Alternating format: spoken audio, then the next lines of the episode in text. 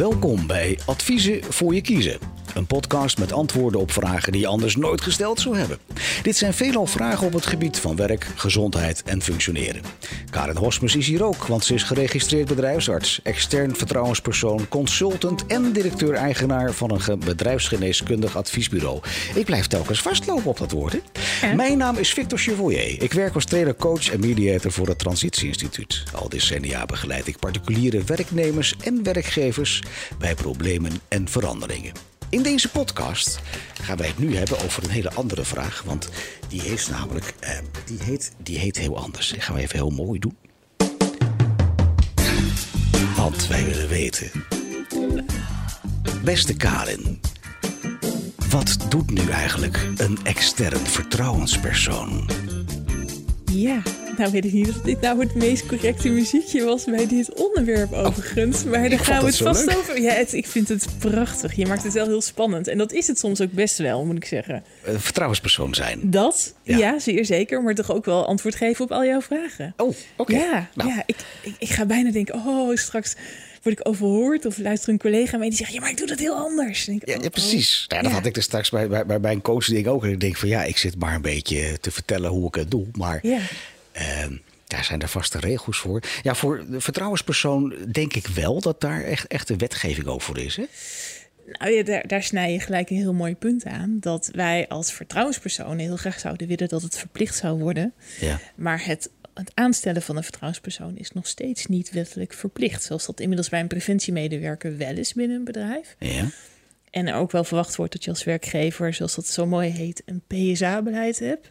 Dat is... Psychosociale arbeidsbelasting. Ja, dat weet ook iedereen. Dat weet iedereen. Ja. En, um, maar ja, daar is nog wel een strijd te strijden natuurlijk. Maar even zonder dolle. Um, een, een vertrouwenspersoon, heb ik een beeld bij dat dat dus iemand intern bij een middelgroot tot groot bedrijf is, waar je als werknemer naartoe kunt om te vertellen dat je bijvoorbeeld gepest wordt of dat er uh, discriminatie is. Zeg ik dat goed? Ja, dat is even goed. vrij vertaald van een blonde meneer. Ja, ja, het is heel vrij vertaald, maar het, het raakt de kern wel aan.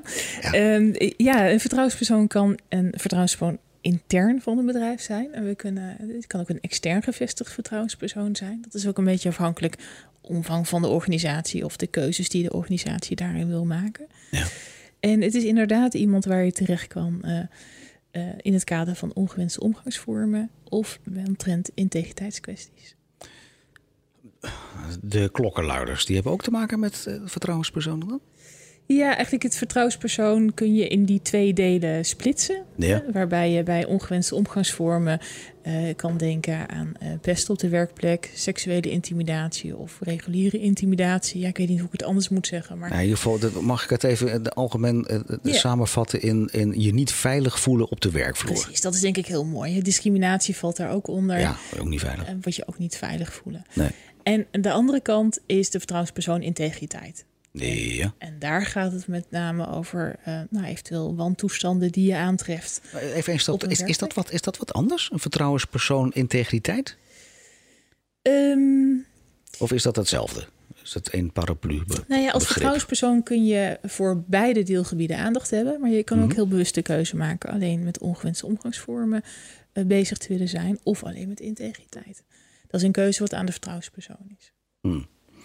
Um, heeft het bedrijf daar wat over te zeggen dan? Dat, hoe ze dat aanstellen? Wat voor, wat voor vorm ze dat gieten? Ja, wat je in de praktijk ziet is dat het vaak uh, één vertrouwenspersoon is die wel beide deelgebieden ook bedient. Uh, een werkgever dient ook een beleid op te stellen. Een beleid ja. ongewenste omgangsvormen, maar ook een integriteitsbeleid. Ja. Uh, maar losstaand van alle documenten en personen gaat het vooral om hoe gaat het nu er daadwerkelijk aan toe op die werkplek. Okay. En is dat van uh, de top tot de bottom, als het ware, uh, doorgetrokken. Hoe komt men tot aanstelling? Van een vertrouwenspersoon. Ja, en dan bedoel ik mee dat, wat ik me dan weer voorstel, maar dat is mijn eigen interpretatie. Een ondernemingsraad of zo, ja. vindt het dan nodig? Uh, nee. Um, ja um, een werkgever ingegeven door ervaring of doordat men toch op die manier invulling wil geven aan dat PSA-beleid waar we het net over hadden. Of dat men geattendeerd wordt op zaken. Of als de ondernemingsraad het belangrijk vindt dat er iemand is. Of werknemers er naar vragen. Hoe dan ook, ehm, dan kan er een vertrouwenspersoon gevraagd worden en aangesteld worden. En, en dat doet dan de directie of een uh, personeelszaken, HRM? Uh... Het is vele leiden. Er zijn meerdere partijen die je daarvoor kunnen benaderen. Maar de kern is, is dat je uiteindelijk een overeenkomst aangaat met de opdrachtgever. Dat is de werkgever. Waarin je ook je werkomstandigheden vastlegt, je vertrouwelijkheid en, en je mandaat als het ware. Klinkt best chic eigenlijk in de zin dat, dat, dat ik me. Ik zei dat er straks een beetje grappend van. Dat zou alleen het, het, het wat middelgrote bedrijven de grote bedrijven zijn. Mhm. Maar de bakker op de hoek heeft toch geen vertrouwenspersoon, wel? In de praktijk de meeste niet, nee. nee. nee wat, wat, je kan indenken is dat zo'n bakker misschien wel aangesloten is bij een beroepsorganisatie. Waarin de beroepsorganisatie wel erin kan voorzien als zijnde we hebben die faciliteiten en daar zou je gebruik van kunnen maken. Dus ja, dat is waar. Die, die, die vormgeving, ja, die, die kan ingericht worden zoals het passend is als het ware. En daar kun je juist, vertrouwenspersoon, kun je daar wat mee doen. Daar kan je dan elke vorm aan geven die zo'n werkgever of ondernemingsraad wil. Ja. Ja. Zit er een verschil of je dat doet binnen een uh, overheidsinstelling of uh, roep maar een gemeente of dat je dat bij een Axo Nobel als grote jongen doet? Of maakt dat niet zoveel uit? Ja, de, de basale kern is hetzelfde, namelijk die onveilige werksituatie, daarmee aan de slag gaan voor die werknemer, eigenlijk voor die persoon die bij je komt. En iedere branche heeft wel weer zijn specifieke inrichting of aandachtspunten. Uh, bijvoorbeeld onderwijs is daar weer anders ingericht. Um, Wat is er anders aan dan onderwijs? Daar heb je. Uh, ja, die vraag kon je verwachten. Als je dat gaat roepen, dan krijg je die vraag. Ja, dan moet ik het ook niet roepen. Hè? Nee. Dan. nee, nee. Nou ja, wat je zeg, vaak ik weet het niet, maar het is anders. Precies. Wat je vaak ziet in het onderwijs is dat um, over het algemeen ook een aantal leerkrachten vertrouwenspersoon zijn. Ja. Intern. En maar dat daar buiten eh, een soort opschaling is van een externe vertrouwenspersoon.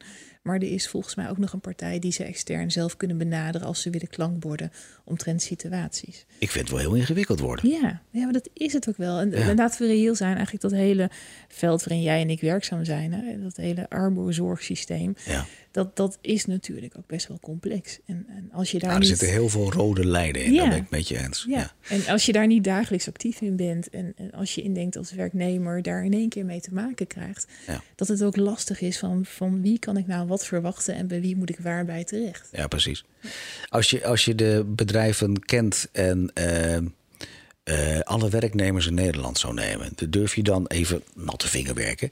Durf je dan een beetje te stellen hoeveel uh, mensen zich tot een extern vertrouwenspersoon kunnen wenden? Ik zie ook kijken, wat is dit weer voor vraag, Victor? Iets ja. met cijfers. Ja, nou nee, gewoon. Want ik moet je eerlijk zeggen, ik ken vanuit de universiteit hier in Wageningen, ja. ken ik wel vertrouwenspersonen, maar dat is een hele grote organisatie. Ja.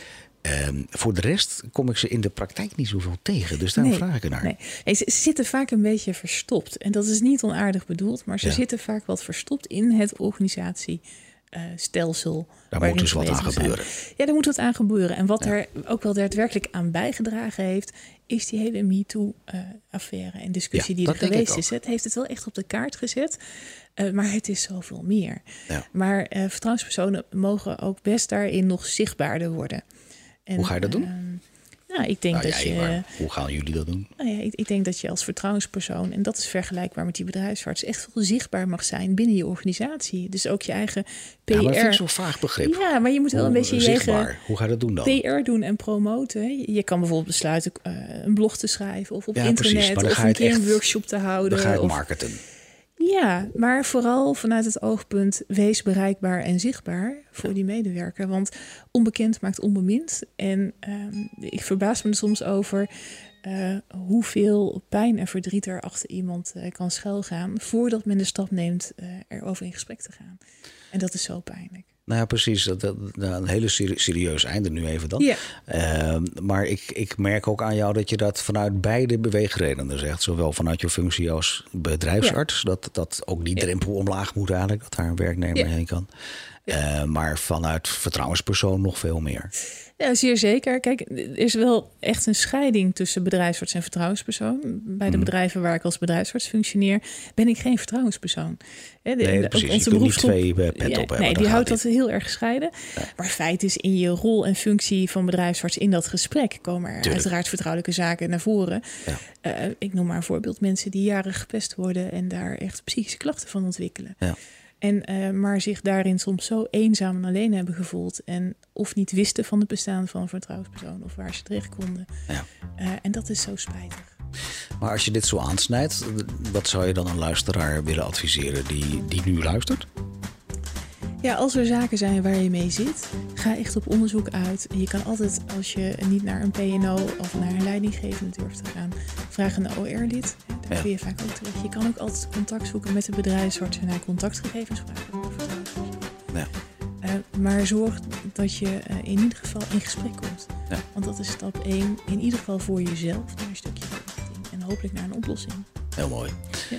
Uh, mocht dat om wat voor reden dan ook niet lukken, dan, dan durf ik te zeggen van joh, neem contact met ons op. Wij, wij, hebben wel kanalen waar we uh, de juiste personen te pakken Zeker, kunnen krijgen. absoluut. Dan kijken we hoe we je verder kunnen helpen. Precies. Info.praatkast.nl nou, Dit was weer een aflevering van Adviezen voor je kiezen. Onderdeel van diezelfde praatkast. Een podcast met antwoorden op vragen die je anders nooit gesteld zou hebben. Vele vragen op het gebied van werk, gezondheid en functioneren. Als jij vragen hebt voor adviezen voor je kiezen, ik zei het net al, stuur dan een mail met je vraag naar info.praatkast.nl. Je kunt het trouwens ook doen via WhatsApp, gewoon via de site. En deze podcast wordt je aangeboden door Hosmus Synergie en het Transitie Instituut. En met dank aan Hans Zeilmaker van Studio 0317 voor de nabewerking. Dankjewel voor het luisteren naar Adviezen voor je kiezen en graag tot de volgende aflevering.